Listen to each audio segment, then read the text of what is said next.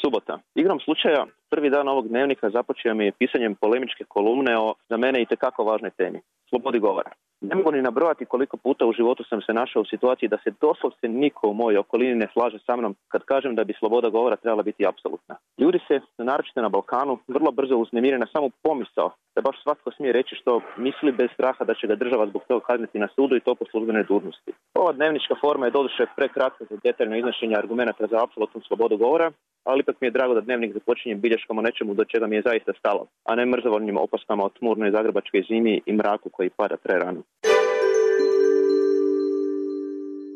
Nedjelja. Nedavno sam u jednom tekstu opisao Hrvatsku kao republiku šizofreniju. Sad mi je žao zbog toga. Em nije fair prema šizofreničarima, em sam trebao biti oštriji. Naime, dovoljno je svako jutro, pa tako i ovo, proći po Twitteru ili Facebooku da se čovjek iznova uvjeri koliko je ovo društvo dubinski trulo. Sve je to odavno sažeto u sintagmi garbage in, garbage out, ali to ne znači da to trebamo prestati primjećivati. Tako iz današnje ponude izdvajam. Antimigrantski populist, protivnik cijepljenja i zastupnik u Hrvatskom parlamentu, javno slavi katarskog emira kojemu je poklonio sat vrijedan kao pet prosječnih hrvatskih plaća i piše kako će mu uvijek biti dužnik.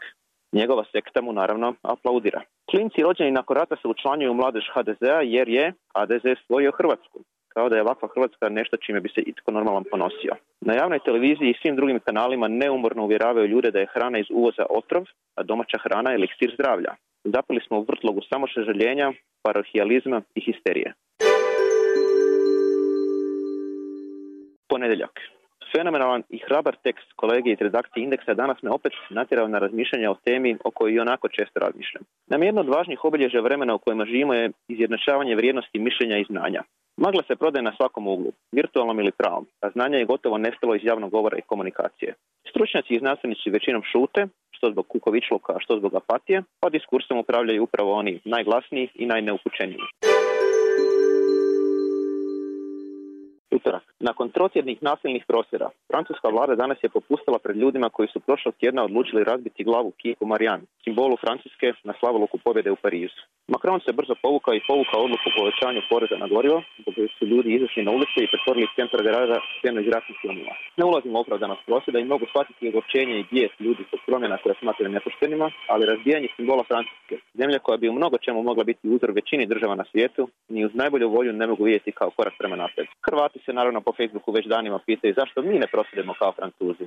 Ne znam što Facebook ratnici inače rade, ali znam što ne rade. Ne prosvjeduju.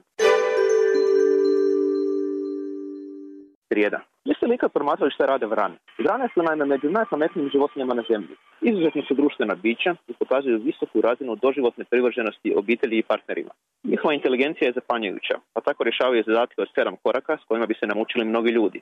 One su jedna od par vrsti životinja koje su samosvjesni, imaju teoriju uma, pamte ljudska lice godinama, razumiju Arhimedov princip, ne zovu ih slučajno Einstein među životinjama. Ova zima u Zagrebu je još uvijek relativno topla, pa se vrane i dalje mogu vidjeti u striženje i u parkovima. Većina ljudi ih ne voli, ja ih obožavam. Posjećaju me da, neovisno u svemu, još ima pametnih na svijetu.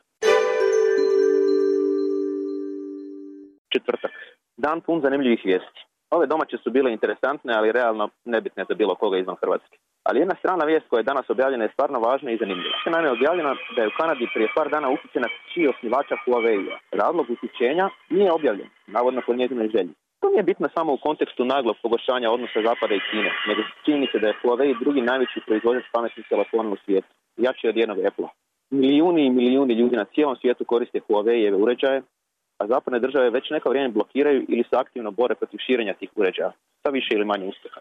Jedno je sigurno. Svako ko želi iskopati prljavstvima bilo kome, mora se samo dokopati mobitela te osobe. Mobiteli su toliko sve prisutni, toliko moćni, toliko prate naše navike, kretanje i komunikaciju, da pružaju najbolji mogući uvid u niz potencijalno kompromitirajućih informacija o svima nama na svijetu. Postoji jako dobar razlog po kojih ljude uhvati panika kad shvate da su izgubili mobitel. Taj razlog nije njihova cijena.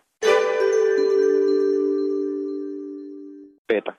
Kad se jedan dan pozališ da su domaće vijesti potpuno nebitne, drugi dan te demantira. Volim kad se to dogodi. Jedna od najljepših stvari u novinarstvu je upravo nepredvidivost onog što se može dogoditi sutra. Da se vratimo na priču. Čini se da je Donald Trump odlučio Hrvatima uštediti oko 500 milijuna dolara. Naime, njegova administracija je, prema informacijama koje je kasno sinoć objavio prilično pouzdan portal Axios, odlučila blokirati izraelsku prodaju 12 borbenih aviona F-16 Hrvatskoj. Dogovor o kupnji aviona između Hrvatske i Izraela je pao ove godine nakon dugotrajnog i krajnje sumnjivog procesa, a sada je deal kojeg se u Hrvatskoj opisivalo kao povijesni došao na rub propasti. Ova priča ima cijeli niz zabavnih implikacija, poput Trumpovog šamara Hrvatskoj sradnje desnici na čelo s predsjednicom Kolindom Grabar-Kitarović, koju američkog predsjednika gleda kao Boga, ali ne treba zaboraviti ni činjenicu da je ovo jedan od izuzetno rijetkih slučajeva u kojima su se Amerika i Izrael našli u suprotnim stranama.